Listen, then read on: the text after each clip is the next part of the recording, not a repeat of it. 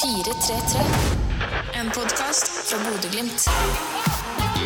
Det er jo ikke ferdig!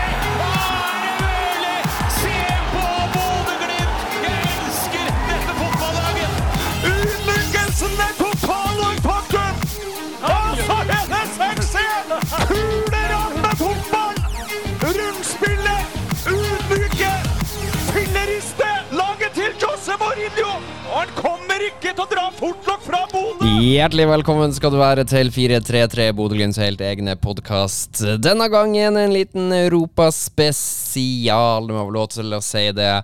Jeg regner med at du som meg får litt sånn gåsehud når du hører introen til den podkasten her med, med Roar Stokke der som kommenterer Bodø-Glimt mot Roma på Aspmyra i fjor, og nå er vi i ferd med å få en lignende opplevelse igjen. Nå skal ikke jeg eh, ta, ta resultatet på, på, på forkjøpet her, men det er fullsatt, det er utsolgt på Aspmyra, det er Europa, stadionet er allerede kledd i Uefas farger, skulle jeg si. Denne gangen Champions League, stjerneballen og logoen og den deilige blåfarga pryder.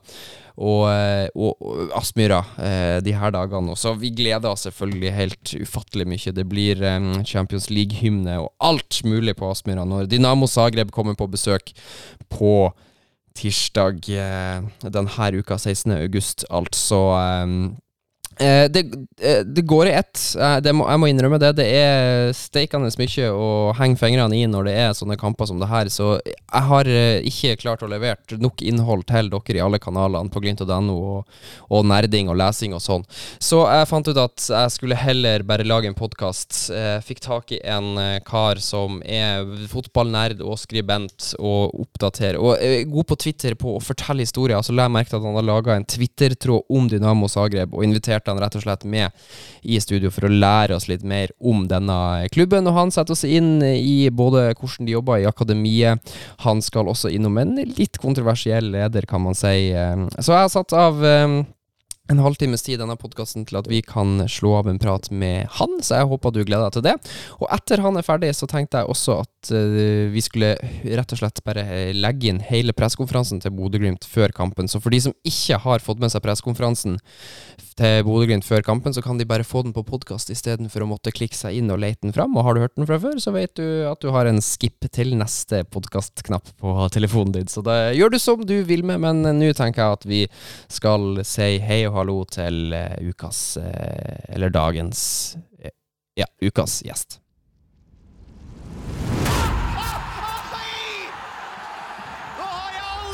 Ja, og for å lære oss og, og litt mer om og sette oss litt inn i Dynamo Zagreb, som er Glimt sin neste motstander i Champions League-kvalifiseringa. Vi har jo kommet til den siste avgjørende runden i playoffen nå. Så har jeg fått besøk av fotballnerd og skribent Tobias Storuste Dale. Velkommen til 433. Tusen hjertelig takk skal du ha. Du, Før vi setter i gang og snakker om Dynamo Zagreb, for, hvorfor, hvorfor, er du mannen som skal komme her og fortelle oss om Dynamo Zagreb? Er du, er du fan? Eh, nei, det er jeg ikke. Det er, jeg tror du sa det litt innledningsvis, at jeg er nerd. Så jeg er interessert i litt smale temaer innenfor fotball. Men egentlig jeg er interessert i eh, kommersielle temaer innenfor fotball også. Men det er vel egentlig bare det at jeg er eh, Eh, flink til å google. Og, og, så er jeg nok over snittet interessert i jugoslavisk eh, både fotball og kultur. Ja, nettopp. Eh, og Dynamo Zagreb er jo en, en kroatisk klubb, da, altså tidligere Jugoslavia. Og det er vel ingen underdrivelse hvis jeg sier at det er blant de mest suksessrike klubbene fra Jugoslavia? Nei, absolutt. Det er, det er, vel en av de tre-fire mest meritterte klubbene derfra. Og i senere tid så Altså eh, På nasjonalt nivå så har de vært en av de mest dominerende klubbene i Europa de, de siste åra. Ja, for det, det, er jo en klubb man eh, Nå kjenner ikke jeg så godt til verken Dinamo Zagreb eller kroatisk fotball, men det er jo en klubb jeg uh, jeg har hørt om. De har jo eh, spilt mot store lag ute i Europa, de har spilt mot norske lag i kvalifiseringene, kanskje i noen gruppespill også tidligere, uten at jeg husker ja. det helt her og nå. Men dette er jo et lag som alltid er med. Det er et lag som alltid er med, og det er eh, egentlig det er to hovedgrunner til det, som vi kan godt komme litt tilbake til. Eller i hvert fall to uh, særlig altså de, For det første har de hatt et monopol et maktmonopol i kroatisk fotball. Og så har de også en faglig kompetanse som ikke må underdrives. og Begge delene tenker jeg at vi skal ta for oss når vi kommer litt inn i temaet. Mm, ja, Vil du si at Dinamo Zagreb er litt der Rosenborg var i Norge tidligere? Ja, altså faktisk, jeg tenker jo på, tenker på for, altså, De har jo et, eh, et, akademi som er veldig berømt. Jeg tenker jo at også Glimt har en del paralleller til Dinamo Zagreb, men samtidig det er to helt forskjellige verdener. Eh, og eh, For å forstå Dinamo Zagreb så må man også forstå eh, hvordan mekanismene i kroatisk politikk fungerer, f.eks. Så det er, det er, to forskjellige verdener. Jeg vil, vil kanskje si at norske klubber eh, minner mer om eh, spanske sånn eh, totalt sett enn de klubbene på Balkan. Mm. Du, eh, vi skal eh, snakke litt om både Du nevnte akademiet her, eh, Dynamo Zagreb. Bare for å, tise litt, er jo en av klubbene i verden, eller i Europa, vel, som leverer spillere ut i Altså flest spillere ut i, ut i europeisk fotball. Så vi skal snakke litt om, om hvordan de får til det. Og så har du en del andre godbiter til oss etter hvert. Eh, så skal vi prøve å ikke holde på i fire-fem timer her, eh, Tobias. Men eh, aller først, har du lyst til å gi oss en litt sånn kjapp innføring i Dinamo Zagreb, hvis det lar seg gjøre? Ja, da, Vi kan ta og trekke de store linjene. De ble stiftet som Grajanski Zagreb i 1911. Dette het de fram til 1945. Jeg skal fortelle litt kort om hvorfor dette navneskiftet fant sted. Fordi før i tiden eh, så var det, det var en vanlig måte for folk å eh, bedrive politisk aktivisme på, var gjennom å organisere seg i fotballklubber. og Dette, ikke, dette er ikke spesielt for Kroatia, dette gjaldt over hele Europa på den tiden. Men etter krigen så oppsto den sosialistisk føderale republikken Jugoslavia, som var et kommunistisk regime. Og i forbindelse med dette så ble alle idrettslag i landet oppløst. Eh, og Grunnen til dette var at de ønsket å bryte båndet til det forrige regimet, som hadde vært nikkedukker for eh, fascistiske regimer som Hitlers Tyskland og eh, Mussolinis Italia. Og da var det sånn at Noen av klubbene eh, trengte bare å bytte navn hvis de ga politiske konnotasjoner til noe som, mot, som gikk imot det kommunistiske nye regimet. mens andre måtte bytte ut folkene i klubben, og andre klubber forsvant helt. Og Det var bakgrunnen for at de byttet navn til Dynamo da i 1945. Eh, og så eh, I 1967 da kom deres klart største sportslige bragd historisk sett, da de vant det som het Messeby-cupen, forløperen til Uefa-cupen og det som vi i dag kjenner som Europa League. Eh, og så har de senere, da, altså det, da borgerkrigen i Jugoslavia brøt ut i 1991, eh, så eh, endret de navn tilbake til Grajanski. Het det et par år før de fikk navnet Kroatia Zagreb, og het det fra 93 til 2000. Siden har de hett Dinamo Zagreb. Ja. Så det er recap. Ja, de har vært litt, litt fram og tilbake på navnet, navnene der, da. Av forskjellige grunner, og eh, ofte eh, så er det politiske motiver for det. Mm. Eh, men du sier de har vunnet Messeby-cupen, eh, som du er inne på er altså det som eh, Europa League heter før, da, for å si det veldig enkelt. Vi har jo møtt noen andre lag. Jeg mener, hvis jeg ikke husker helt feil nå, at også CSKA Sofia, som vi møtte i gruppespillet i Conference League i fjor, i hvert fall har vært, om de ikke vant, så har de i hvert fall vært i typ semifinale der. Og, det er jo lag som har en sånn Vi har møtt som har en sånn stolt, stolt fortid. Men det sier jo ikke nødvendigvis så mye om nivået på klubbene i dag, det at de vant Mesterbycupen i 67. Men hvor vet du noe om, om, om, hvor stor den triumfen regnes i Dynamo Zagreb? Eh, så I Glimt snakker vi fortsatt om cupfinalen i 75, eh, for å ja, ta sammenligning. Det er, det er, nok tilsvarende noe sånt, ja. Mm. Men snakker om den prestasjonen sammenlignet med hva det ville vært å eh, Det ville jo vært en større prestasjon å vinne eh, Europacupen, altså eh, Europa League, da, i dag enn den gangen. Fordi eh, for det første så var det Eh, ja, du hadde ikke fire lag fra, eller tre-fire lag fra de største ligaene som var med, som, har, som er helt overlegne økonomisk. Eh, men eh, likevel så er det på en måte det er som jeg sier, den klart største bragden eh, Dinamo Zagreb har gjort. Men de har også vunnet ligaen i den gamle jugoslaviske ligaen, da jugoslavisk fotball var ordentlig bra. Det jugoslaviske landslaget ble jo i sin tid kalt for Europas Brasil. Så da disse ikke var splittet opp, så var nivået veldig høyt. Og eh, særlig Partisan eh, og eh, Crvena Svesta, eller eh, Røde Stjerne fra Beograd, eh, var store rivaler. Men også eh, Hajduk Split var mm, helt på høyde med Dinamo Zagreb, men, men de har falt av de siste årene av forskjellige grunner. Mm, men Hajduk Split og Dinamo Zagreb er fortsatt eh, arge rivaler? De er de største, altså Hajduk Split er de største rivalene til, eh, til Dinamo Zagreb, ja. Mm, og de møttes vel i helga, om jeg ikke husker tar helt feil. Eh, En 4-1-seier til Dinamo Zagreb der, så de har eh, selvtilliten på plass før de skal til Bodø, i hvert fall. Ja, riktig. De, Hajduk Split har riktignok Jeg tror Hajduk Split sist gang de vant, uh, vant den kroatiske ligaen, det var til uh, ja, 2004 eller noe sånt. Altså Det var på starten av 2000-tallet. Det er lenge siden Hajduk Split. Og I fjor tror jeg de kom på andreplass, men er de siste årene så har de ligget midt på treet i den kroatiske ligaen. Så sånn sportslig sett så har de ikke eh, hatt noe å stille opp med med eh, Dinamo Zagreb. Selvfølgelig heller ikke økonomisk sett. Mm, og en liten eh, digresjon der når vi snakker om eh, nivåforskjellen på Messeby-cupen og det som i dag er Europa League, så eh, tror jeg òg at Lindfield, som Glimt møtte tidligere i kvalifiseringa, var i kvartfinalen eller noe sånt i Mm. Messeby-cupen. Men for å komme dit så slo de kun ett lag, og det var Vålerenga. Så hvor stor prestasjonen egentlig var, er vel Det er ikke det samme som å komme til kvartfinalen i år, så det sier kanskje litt om hvordan Harberg spilte vel en eh, kvartfinale for Lyn mot eh, Barcelona på 70-tallet en gang, så Ja, det stemmer, eh, det stemmer nok det. Du, eh, vi la oss, oss fise videre, skulle jeg si her. Vi, du nevnte akademiet tidligere, og jeg sa dette med at, at Dynamo Zagreb de, de kasta nærmest spillere ut i europeiske ligaer jevnt, støtt og stadig. Um, altså når jeg sier at er en av de klubbene i Europa så gjør dette oftest, hva, fortell litt om, om måte, hva, hvordan måles det?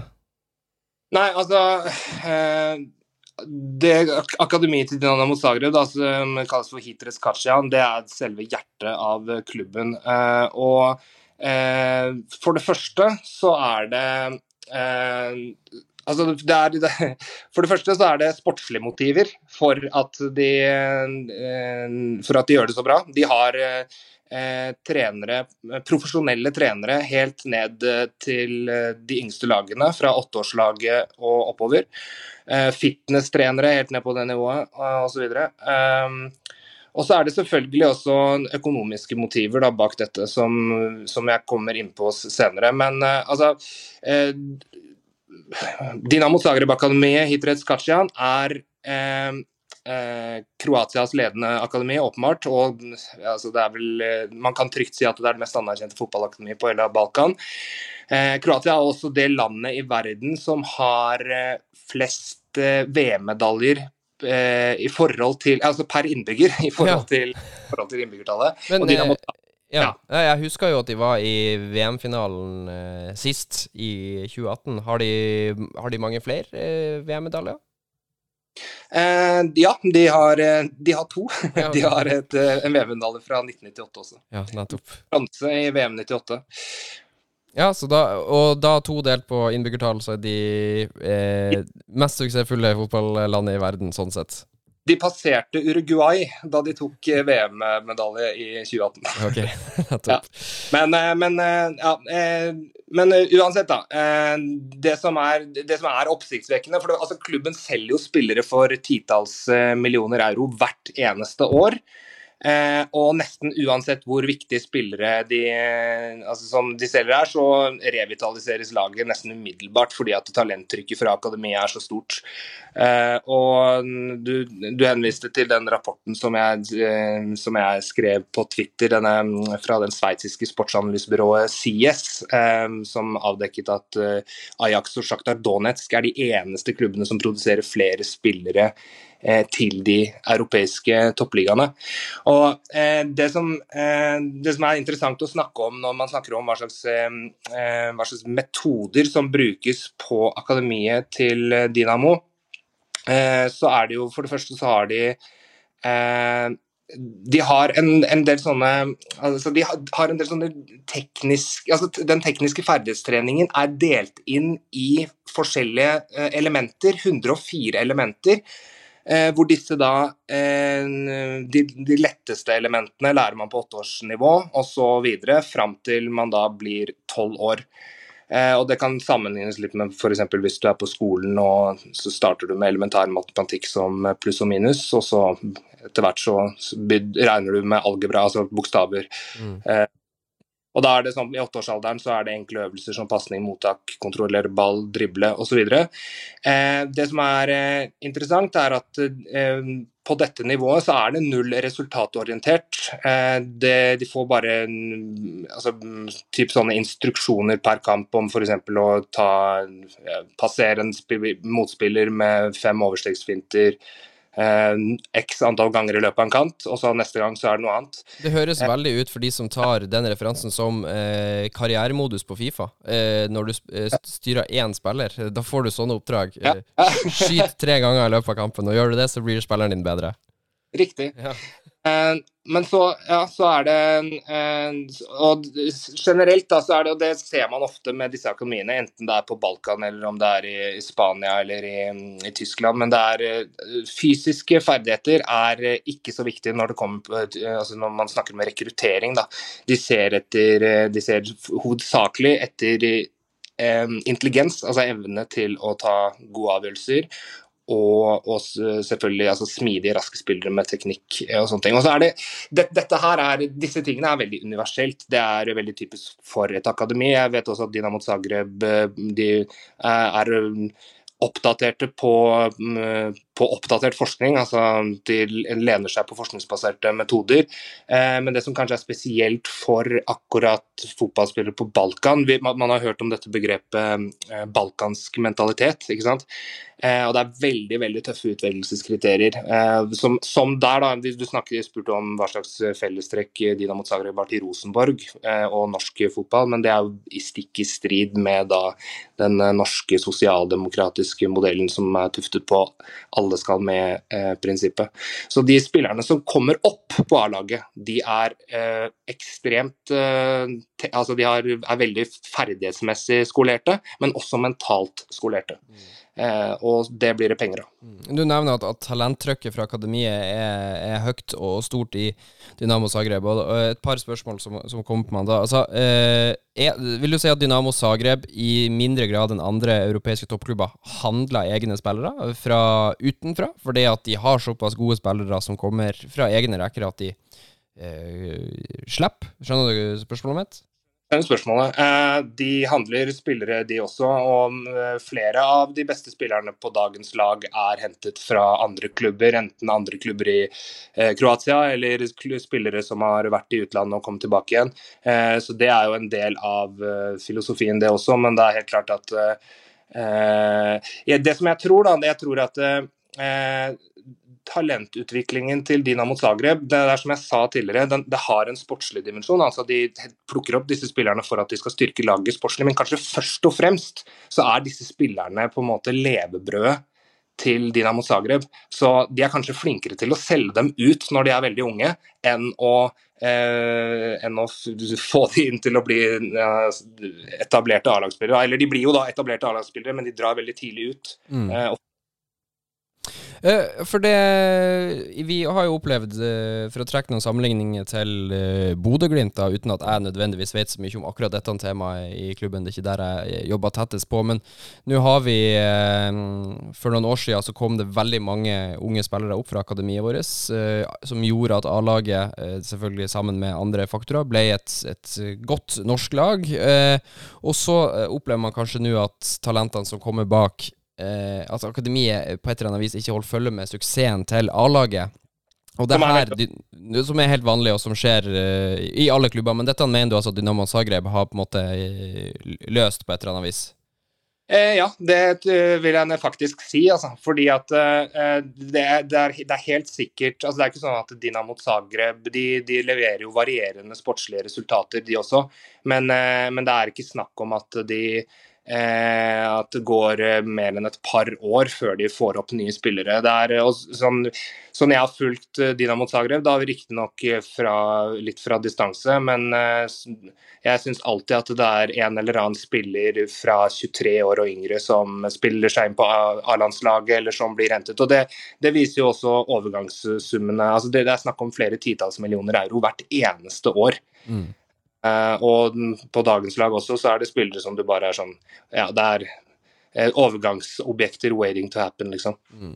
Ja, og når vi var inne på VM-finalen eh, som Kroatia tapte for Frankrike i, i, 2018, så var altså åtte av de som uh, spilte den VM-finalen for Kroatia, tidligere Dynamo-spillere. Så, så, det er åpenbart at det er gode spillere også som kommer ut av akademiet og, og klubben deres.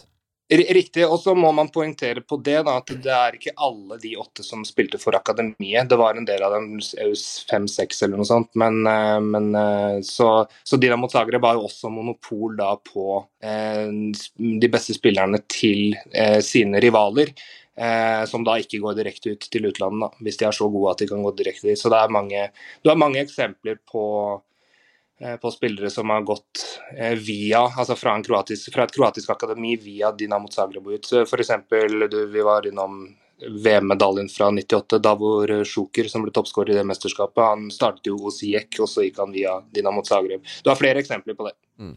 Du, eh, det var sånn kjapt og gærent akademiet til Dynamo Zagreb. Jeg er sikker på at du kunne ha snakka lenge om det hvis du hadde fått lov, men vi, vi må rase videre, Tobias. Eh, for det er eh, altså Når vi snakker om Dynamo Zagreb og den fotballklubben der, så er det et navn eller to som eh, måte, vi ikke kan unngå å snakke om. Ja, det er et navn som har vært en del oppe i norsk medie også. Eh, det er, eh, jeg tenker det De to, to, mest sentrale aspektene ved Dinamo Zagreb er akademiet og det er eh, Stravko Mamic. Eh, og Strako Mamic, eh, for å ta bare en sånn kort eh, overordna introduksjon, så skal vi gå mer i dybden etter hvert. Men eh, dette er en skikkelse som har styrt Dinamo Zagreb og kroatisk fotball med jernhånd de to siste tiårene. Eh, og er en person som har veldig veldig mange likhetstrekk med en diktator eller en mafioso eller lignende. Eh, veldig kriminell, eh, sterkt mislikt av eh, egne supportere, i hvert fall veldig mange av egne supportere. Og for ikke å snakke om alle andre supportere av andre kroatiske fotballklubber. Mm. Så, så, det er på en måte Ja, han er main man eh, i kroatisk fotball, egentlig, som ikke, som ikke spiller selv. Mm. Men, men, det her høres jo ikke bra ut, skal jeg si. Altså, det høres ut som noe man ikke vil ha i fotballen. Ja, Det er helt riktig. Eh, men så vet vi jo det, vi vet jo det om, eh, om penger og fotball. At eh, der det, der det, blir mye penger, og det har det jo vist seg at det blir det i fotballen, der trekker man også til seg en del typer som man helst ikke vil ha der. Mm. Men hvordan har han fått, fått, denne rollen i Dynamo Zagreb, da? Nei, altså Foreldrene til, eh, til Strako er bosniske, for det, det, må, det, må, nevnes eh, med tanke på hvor han befinner seg akkurat nå. Det kan vi komme tilbake til. Men eh, Strako selv ble født i en by som heter Bielovar. Han var den mellomste av tre brødre. Og alle disse tre brødrene var gode fotballspillere. De spilte alt, alle i Hitrets Kasjian, altså akademiet til Dinamo Zagreb. Storebror Stojan, som ikke er så veldig viktig i denne historien, var det største talentet, eh, men eh, han hadde ikke holdningene. Lillebror Zoran han ble proff og faktisk landslagsspiller også. Han var, Apropos den eh, kroatiske VM-bronsen 98, så var han med som ja, Han spilte ingenting, men han var med i troppen. Stavfyll. Og Hæ? Ja, han var med ja. som stallfyll. Ja, stallfyll. i Mens uh, Stravko Mamic han uh, fikk aldri spille på A-laget. Han ble etter hvert supporter av klubben og gjorde det etter hvert veldig bra i business. Uh, og det, altså Grunnen til at han fikk så mye makt, det handler om at han etter hvert fikk rette kontakter og veldig mye penger mellom hendene. Mm. Ja, også, uh, for uh, man har jo hørt, det har vi allerede hørt om, vi har lest i avisen, og politiet i Nordland har også vært ute og snakka om disse supporterne til Dynamo Zagreb, Bad Blue Boys. jeg vet ikke om du har lyst til å gi en liten innføring i de, men de har òg en tilknytning til denne lederen.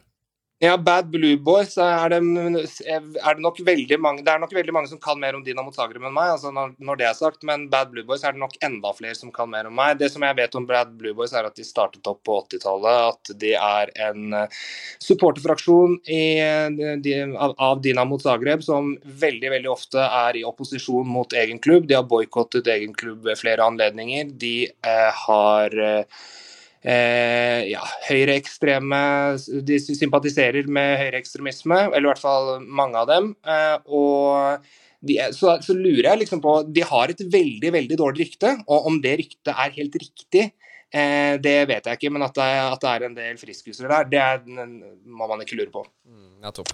Og hva er på en måte tilknytninga mellom De har vært i veldig opposisjon med, uh, med Stravko Mamic, må ja, sies. Ikke sant. Så, uh, så det er ikke nødvendigvis sånn at, at uh, Stravko Mamic og, og, uh, Dynam og Bad Blue Boys er bestevenner.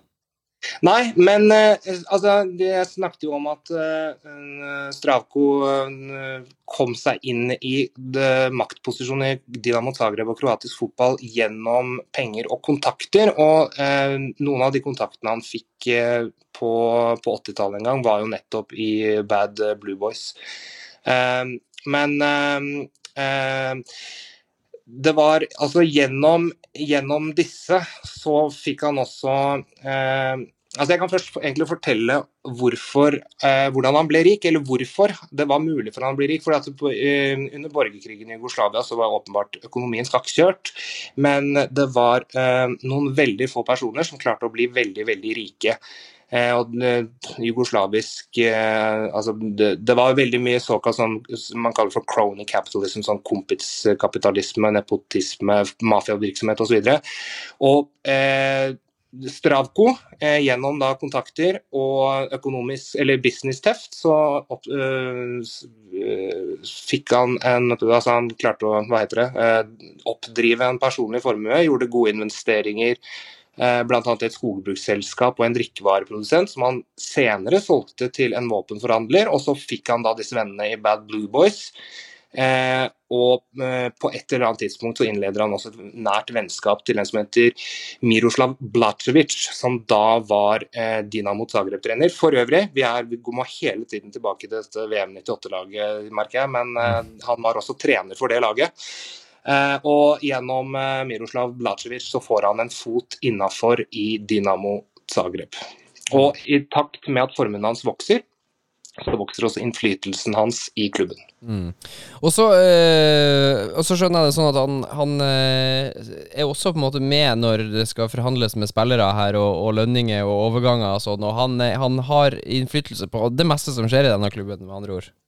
Ja, er, han får han får Jim Solbakken til å fremstå som Guds beste barn, eh, faktisk. Eh, han eh, ikke bare sitter han på begge sider av bordet, men det er jo også noe med disse kontraktsigneringene. Han, det er veldig mye penger under bordet her også. Og Eh, en av de tingene som eh, Stravko eh, gjør, og dette er også mens han har blitt altså, Enten mens han er på vei til å bli, eller allerede har blitt øverste direktør i Dinamo Zagreb, det er at han sikrer seg andeler av spillernes lønn. og Dette skal senere få eh, hvert fall, hvert fall en, en form for konsekvens.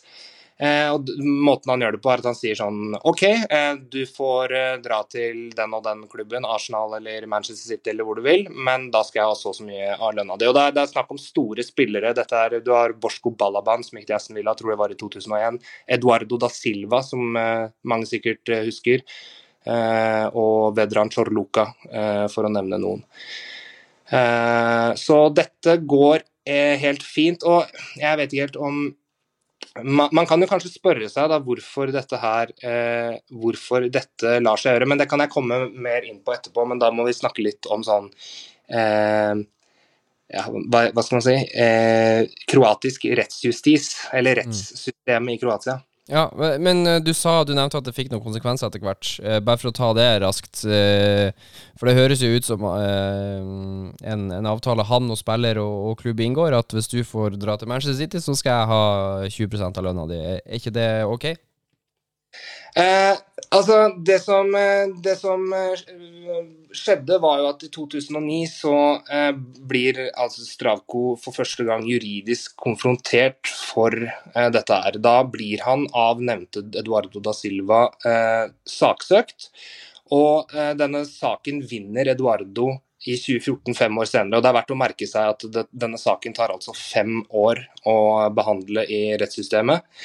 Og I den saken så kommer det frem at eh, Eduardo hadde signert en avtale med Stravko Mamic da Eduardo var 16 år gammel, som ville sikre Stravko 50 av lønna hans resten av karrieren. Så det er jo et element av eh, utpressing her også.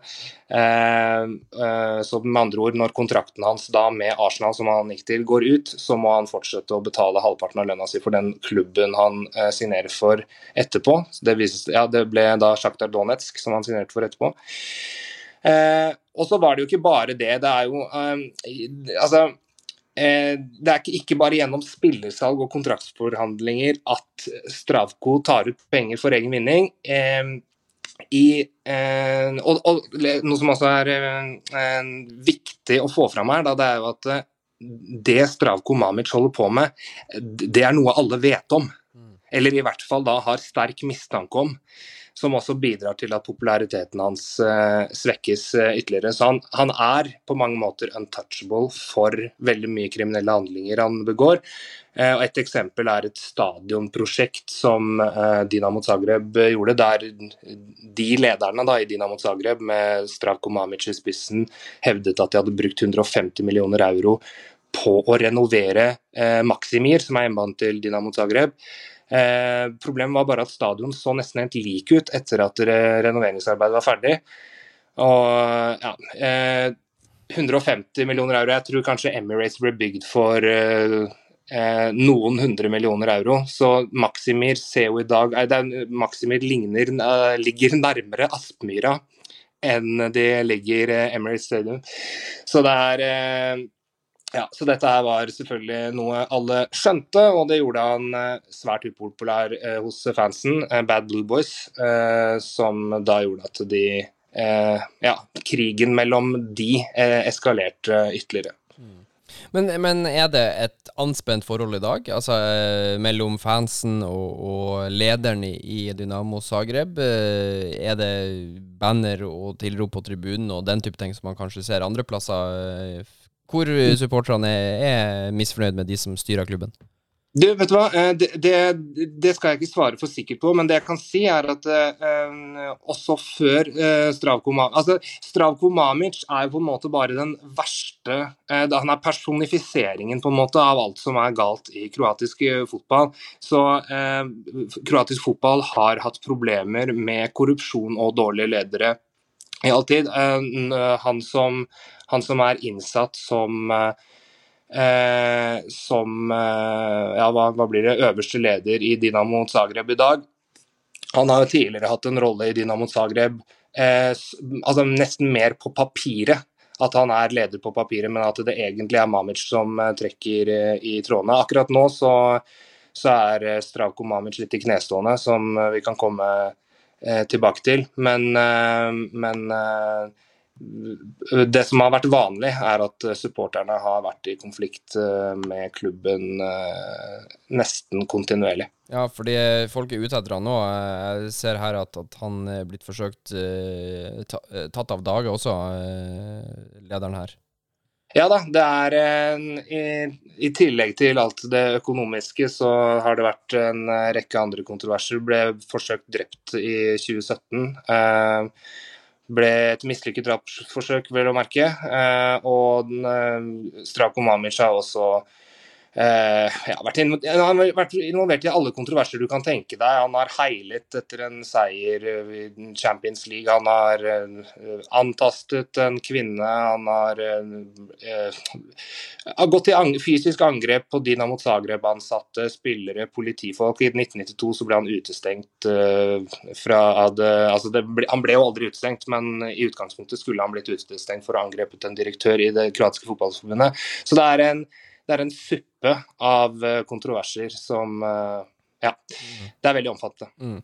Du, det er åpenbart, ja, Omfattende er det, og det er åpenbart at det er mye å sette seg inn i også om, eh, om denne kontroversielle lederen i Dynamo Zagreb. Og, og tida går fort ifra oss her også, eh, Tobias. Hvis vi skal eh, eh, prøve å tenke mindre på historien og sånt, og heller mer på dagens lag, altså det som venter Bodø-Glimt på Aspmyra eh, på tirsdag. Eh, eh, hvor godt kjenner du til de eh, elleve, til å si, eller laget i dag, da, som, eh, som Glimt skal møte?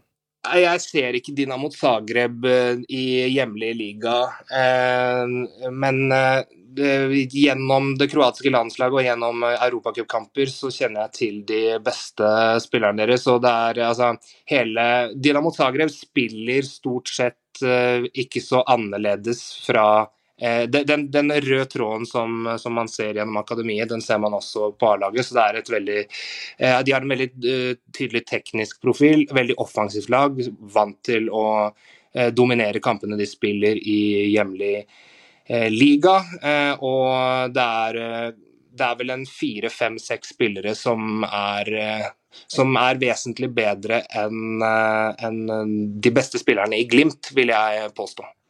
Ja, for det er et, et, et, eh, lag med individualister, kan man si det på den måten? Det, vet du hva, det er jeg litt usikker på, fordi jeg kjenner ikke treneren deres godt nok. Men det at de har spillere med eh, veldig utpregede individuelle ferdigheter, det er det ikke noe tvil om. Eh, det, som jeg, det som jeg bare har sett, som jeg har lagt merke til, er at de sender mange i angrep. Og at de eh, veldig ofte pleier å eh, At vingene deres eh, skjærer inn i banen, at de overlapper med backer. Eh, jeg syns, Men hvor, hvor godt def organiserte defensivt de er, det vet jeg ikke. Eh, det skal jeg ikke uttale meg om. Men eh, de har, de har særlig den De har jo han Bruno Petkovic, som er en svær bjesse på topp, som binder opp og skaper mye rom for de andre, de som, altså på vingene og i tierrollen, som har mer tekniske ferdigheter. Eh, så, så det er vel kanskje der den største trusselen eh, ligger. Og i tillegg da selvfølgelig kapteinen Arian Ademi, som, eh, som dikterer spillet med ball, eller de pasningsstødige spiller. Så du ser ikke Dynamo Zagreb så ofte. Jeg vet ikke hvor godt du kjenner til Bodø-Glimt heller, Tobias, men hvis jeg likevel utfordrer deg litt på å, å se litt på Glints muligheter mot dette laget, hva, hva tenker du? Ja, Glimt ser jeg ganske ofte, faktisk. Eh, Jeg tenker at Dina Dinamo Zagreb er klare favoritter eh, foran dette oppgjøret, men eh, eh, det, nå skal det sies da at dette jeg, jeg trodde ikke Glimt skulle vinne serien i 2020. Jeg trodde ikke de skulle vinne den i 2021. Jeg trodde ikke de skulle slå ut Celtic. Jeg trodde ikke de skulle slå ut AZ. Og når det kommer til AZ, da, det man så eh, de AZ-kampene, var at eh, Glimt slet veldig med at de nettopp var veldig organiserte. Eh, og jeg, jeg innbiller meg kanskje at eh, eh, AZ er et vanskeligere lag, lag å møte i så måte. Mm. Så jeg vil si at eh, sånn jeg ser på det, min magefølelse da, sier at eh, norsk klubbfotball eh, har sin største mulighet til å få et lag inn i gruppespill i Champions League. Eh, sin, sin største mulighet eh, siden eh, Rosenborg møtte FC København i 2010.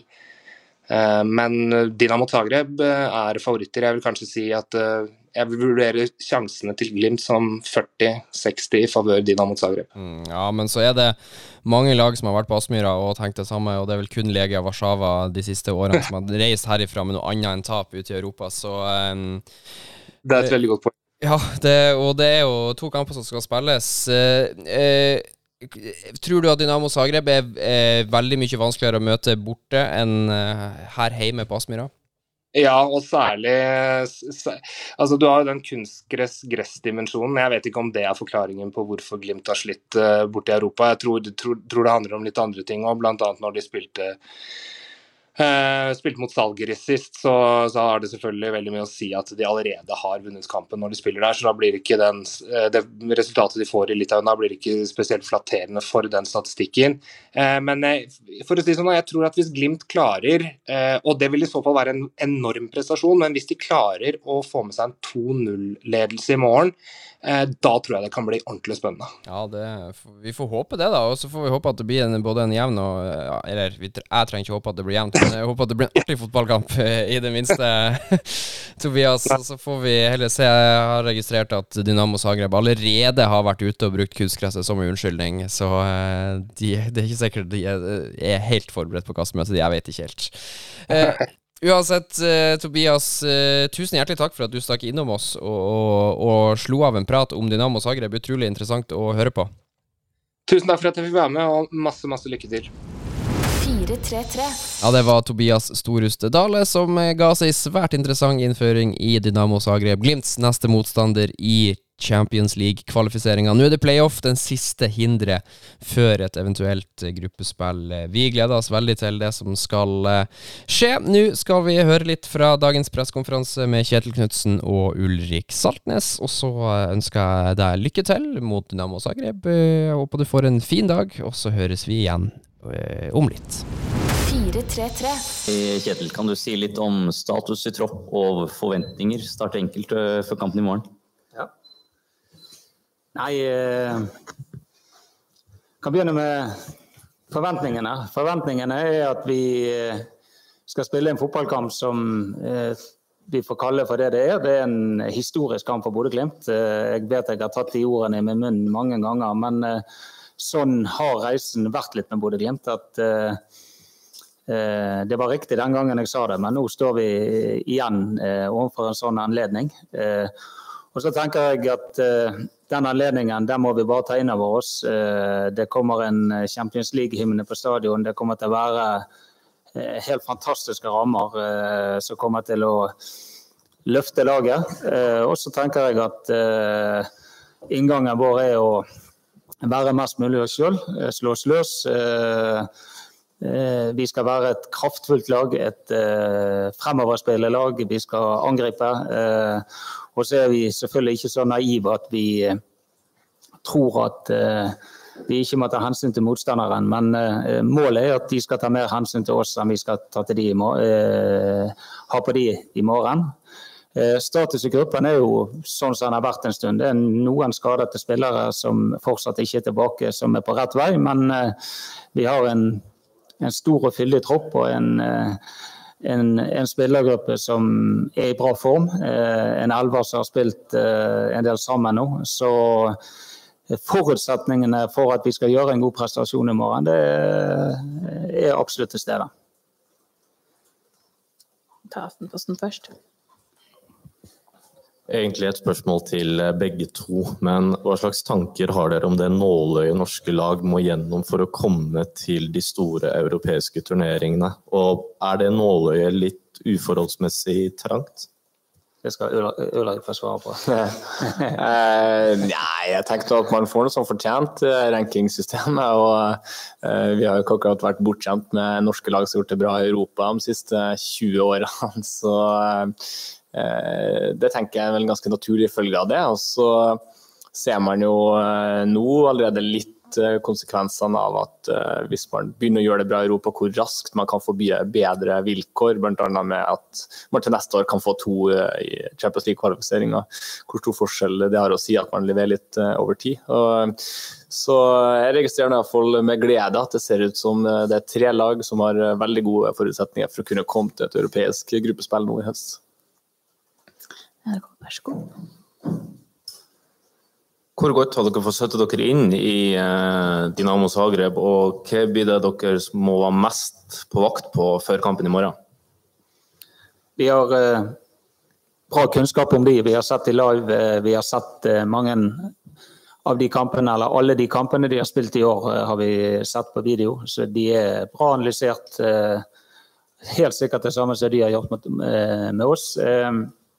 Jeg tror at eh, eh, hvis du ser det laget, så er det et uh, utrolig Altså det er en klubb med stor erfaring. Eh, som, det er en stor klubb eh, som har eh, flotte resultater både i hjemlig og i Europa. det er et erfarent lag. hvis du går inn og ser på spillerne, så er det nåværende eller tidligere landslagsspillere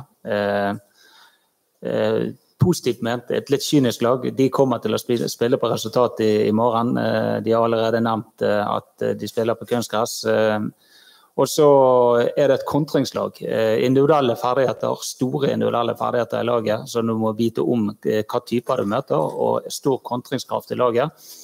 Og så er det allikevel eh, et lag som jeg syns jeg vil beskrive som et offensivt lag. Kanskje i, i sum bedre offensivt enn defensivt, spør du meg. I hvert fall i det, i det kollektive. De, de, satser veldig mye på enkeltindividene, både offensivt og defensivt. Så eh, eh, det er en stor oppgave, men en utrolig kul oppgave, gøy oppgave. Eh, så eh, vi Jeg tror det er to lag som er veldig godt forberedt på hverandre. Ja, vær så god. Eh, du nevner litt om at det er et uh, kynisk lag. Dere møtte bl.a. Uh, med kamp med Roma flere i Europa i fjor. Hva har den erfaringen dere fikk fra sånne kamper å si hvis det blir et bilde hvor eh, Zagreb kommer til å utnytte den kynismen de har. Ja. Altså, jeg tror, må, jeg tror det, det, er bare noen ting du må akseptere. Det er ulike kulturer. Eh, eh, kan, de kan ligne litt. Det er kanskje ikke tilfeldig at laget de møtte i forrige kamp, får tre røde kort. Og det, de, de har den egenskapen i seg. Og Eh, og jeg mener ikke nødvendigvis at det er negativt. Altså det, de spiller med de kortene de har, og det, de, de, har en annen kultur enn det vi har. Eh, eh, så liksom Hva var spørsmålet igjen i forhold til det? altså, hva den erfaringa dere fikk fra tidligere europakamper, hva har den å si hvis dere møter noe sånn på nytt? Ja, altså Erfaring i Europa er ekstremt viktig, og vi har, vi har møtt det flere ganger. Det er ikke bare Roma. så Eh, alt eh, Bodø-Glimt er bygget på, det er bygget på læring eh, og læringsprinsipper. og det du må stole litt på spillergruppen og det de har vært borti før. Vi har en åpenhet i forhold til at vi kan prate om ting.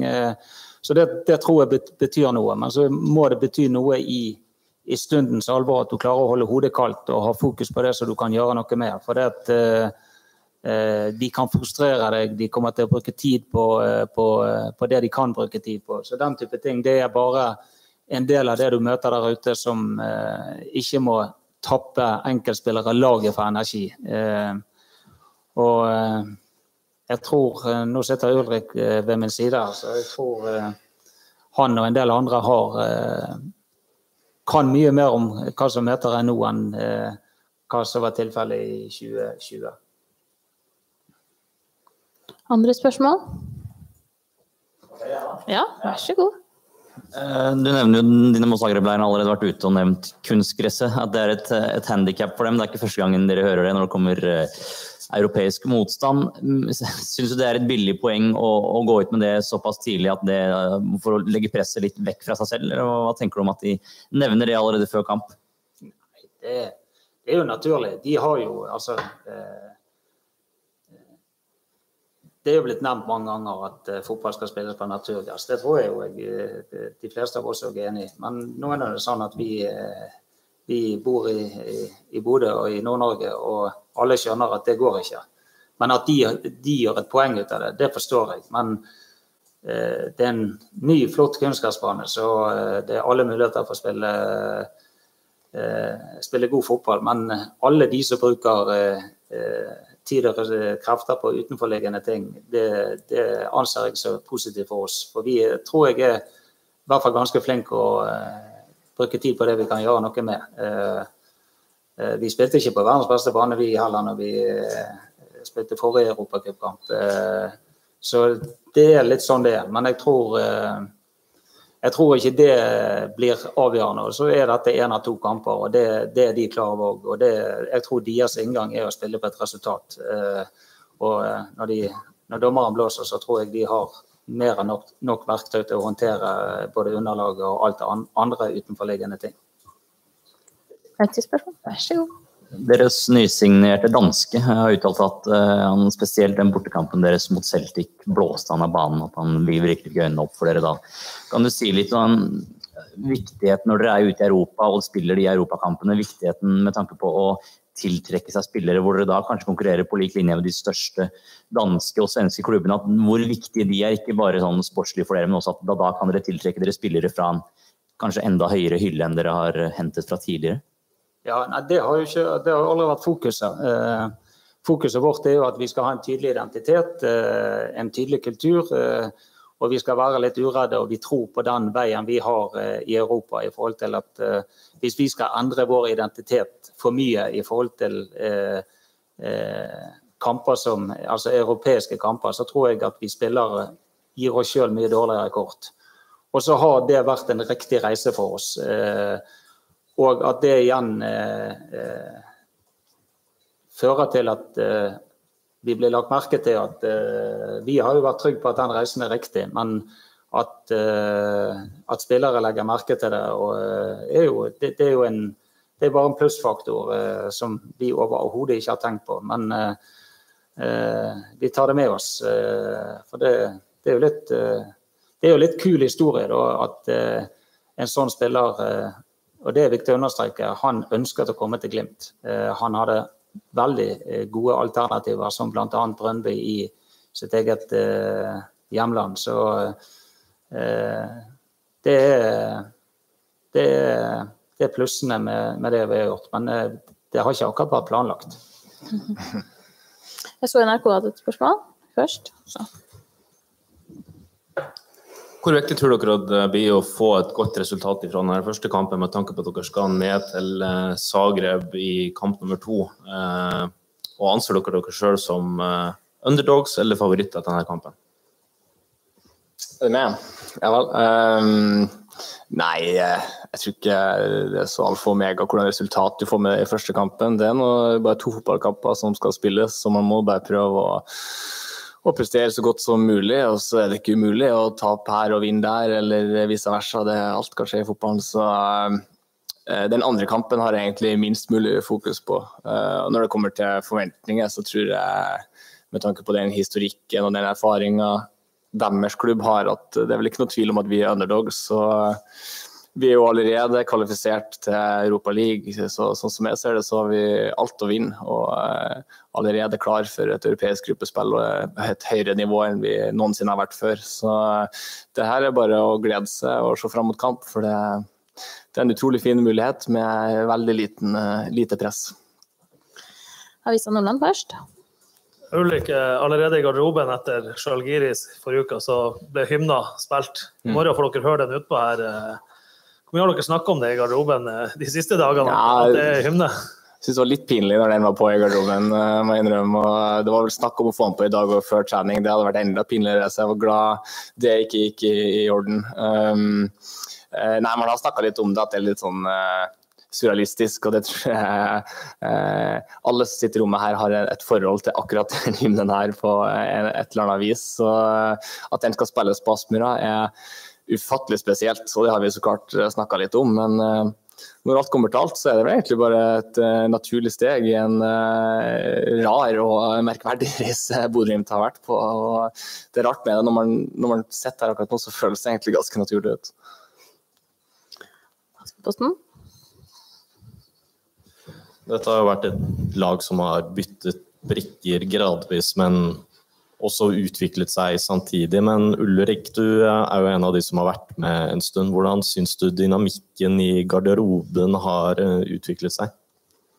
Eh, veldig bra. Jeg syns eh, man har vært eh, veldig flink og tenker helhetlig når man skal sette sammen en spillergruppe.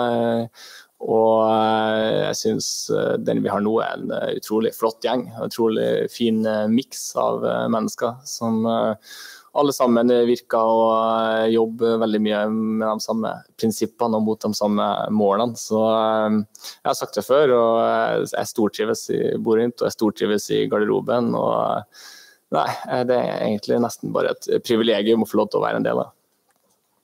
Det var sikkert derfor du skrev så lang kontrakt. Ja, det, det, har noe med det å gjøre. Ja. Er det noen spørsmål? Ja, Bodø du. Markus kommer på sida di. Eh, med en nysignering med han Albert. Jeg lurte på hvordan har han eh, kommet inn i gruppa, og blir vi å få se han på han på tirsdag? Jeg tenker du du oppleve han i gruppen. Du kan forbinde Ja, nei, Han virker som en veldig trivelig fyr. Trivelig og oppegående gutt. Og så virker han som Kjetil nevnte, utrolig glad over å være i Bodø-Glimt. Så det er jo et fantastisk utgangspunkt. Han er kommet hit for at han har lyst til å virkelig være med på det her og utvikle seg til å bli en eh, bedre fotballspiller. Og så har han fortalt meg han er glad i å spille golf, så da er jeg kommandert han til å få foreldrene til å sende oppover golfkøllen, for da tror jeg sosialt så skal han klare seg bra i den gruppa her. Flere spørsmål? Ja. Eh, Vi har sett at eh, Mikkel Arteta gjorde grep med å spille You'll Never Walk på treningsfeltet før Arsenal skulle møte Liverpool i den dokumentaren. Og eh, Dinamo Zagreb har berykta supportere som er kjent for å skape liv. Har, dere gjort noen grep for å forberede dere på akkurat det? Ja, nå skal vi spille på Aspmyra, så er det jo egentlig de som må gjøre grepene først. For det har kommet til, til, til Aspmyra og den stemningen som er her, det tror ikke Så det, jeg tror ikke vi trenger å gjøre så mye forberedelser inn mot denne kampen. Eh, Jeg har vært på den stadion. Jeg eh, reiste og fulgte de for Brann i 2008. Så eh, heldigvis satt jeg på VIP-tribunen. Det var jeg glad for når jeg så eh, den, den blå horden der, for det var, det var crazy. Eh, Så det har vi ikke brukt noe tid på inn mot denne kampen som kommer nå. Eh, Så eh, kan det godt hende at vi eh, forbereder spillerne på, eh, på den type ting eh, når vi nærmer oss den neste kampen. Men må minne om at eh, vi har opplevd eh, bra trøkk i Legia eh, mot Celtic. Eh, kampen mot Roma var jo en egen historie. Jeg satt på tribunen, så jeg eh, Men eh, opplevelsen vi hadde når vi kjørte gjennom byen, og det, det hatet som var til Bodø-Glimt, og eh, det hatet du opplevde på stadion, eh, det tror jeg kanskje er noe av det mest ekstreme du kan oppleve. Så litt erfaring har når vi er med der. Eh, og sist de spilte mot eh, Ludogorets, så var det, eh, hvis jeg husker riktig, 13 000 tilskuere på eh, Stadio Olympico så var det 70 000. Så det er viktig at vi òg eh, har litt perspektiv på eh, Men det, det er spesielt å være der. Eh, de, det er ikke bare at det plutselig går det Du tror det har gått av en bombe, men eh, det er ja, det er ganske spesielt. Så, men nå er det trygge, gode rammer med et fantastisk hjemmepublikum. Og hvor mange som kommer fra de, de, de kommer ikke vi til å trenge å bekymre oss over. De blir i undertall mot eh, positive, flotte fans fra, fra Bodø og Norge. NRK? Dere har spilt eh, over en halv sesong og møter et lag som eh, forholdsvis tidlig i sin sesong. Tror du det er en fordel eller en ulempe eh, med tanke på slitasje på spillere, kontra at man har kommet seg inn i en rytme og møter eh, Zagreb på dette tidspunktet?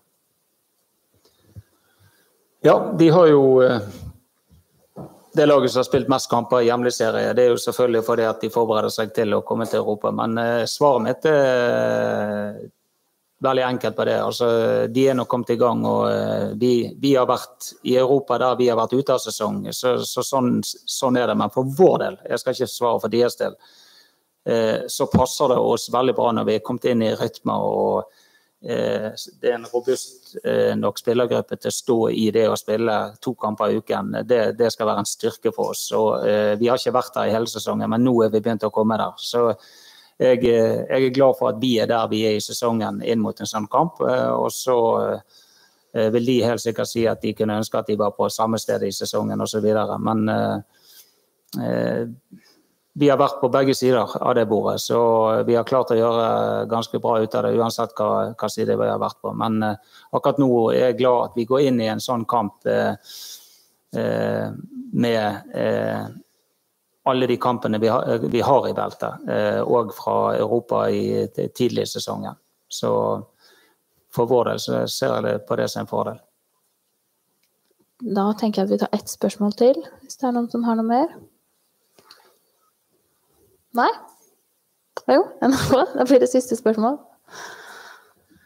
Jeg sjekka værmeldinga litt uh, her i stad, og det er potensielt meldt styrtregn uh, i morgen når kampen skal spilles. Uh, tror du det har noen slags påvirkning på kampen og hvordan man er nødt til å legge opp spillet? Ja, Det er i hvert fall synd det ikke er elleve bergensere som spiller, for da hadde det vært en kjempefordel. Det er det ikke. Det er igjen. Hæ? Det er igjen. Ja, ja. ja.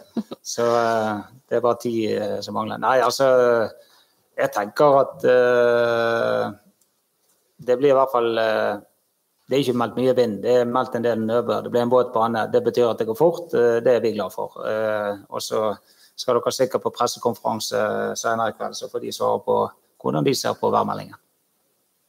Tusen takk. Snakkes vi i morgen.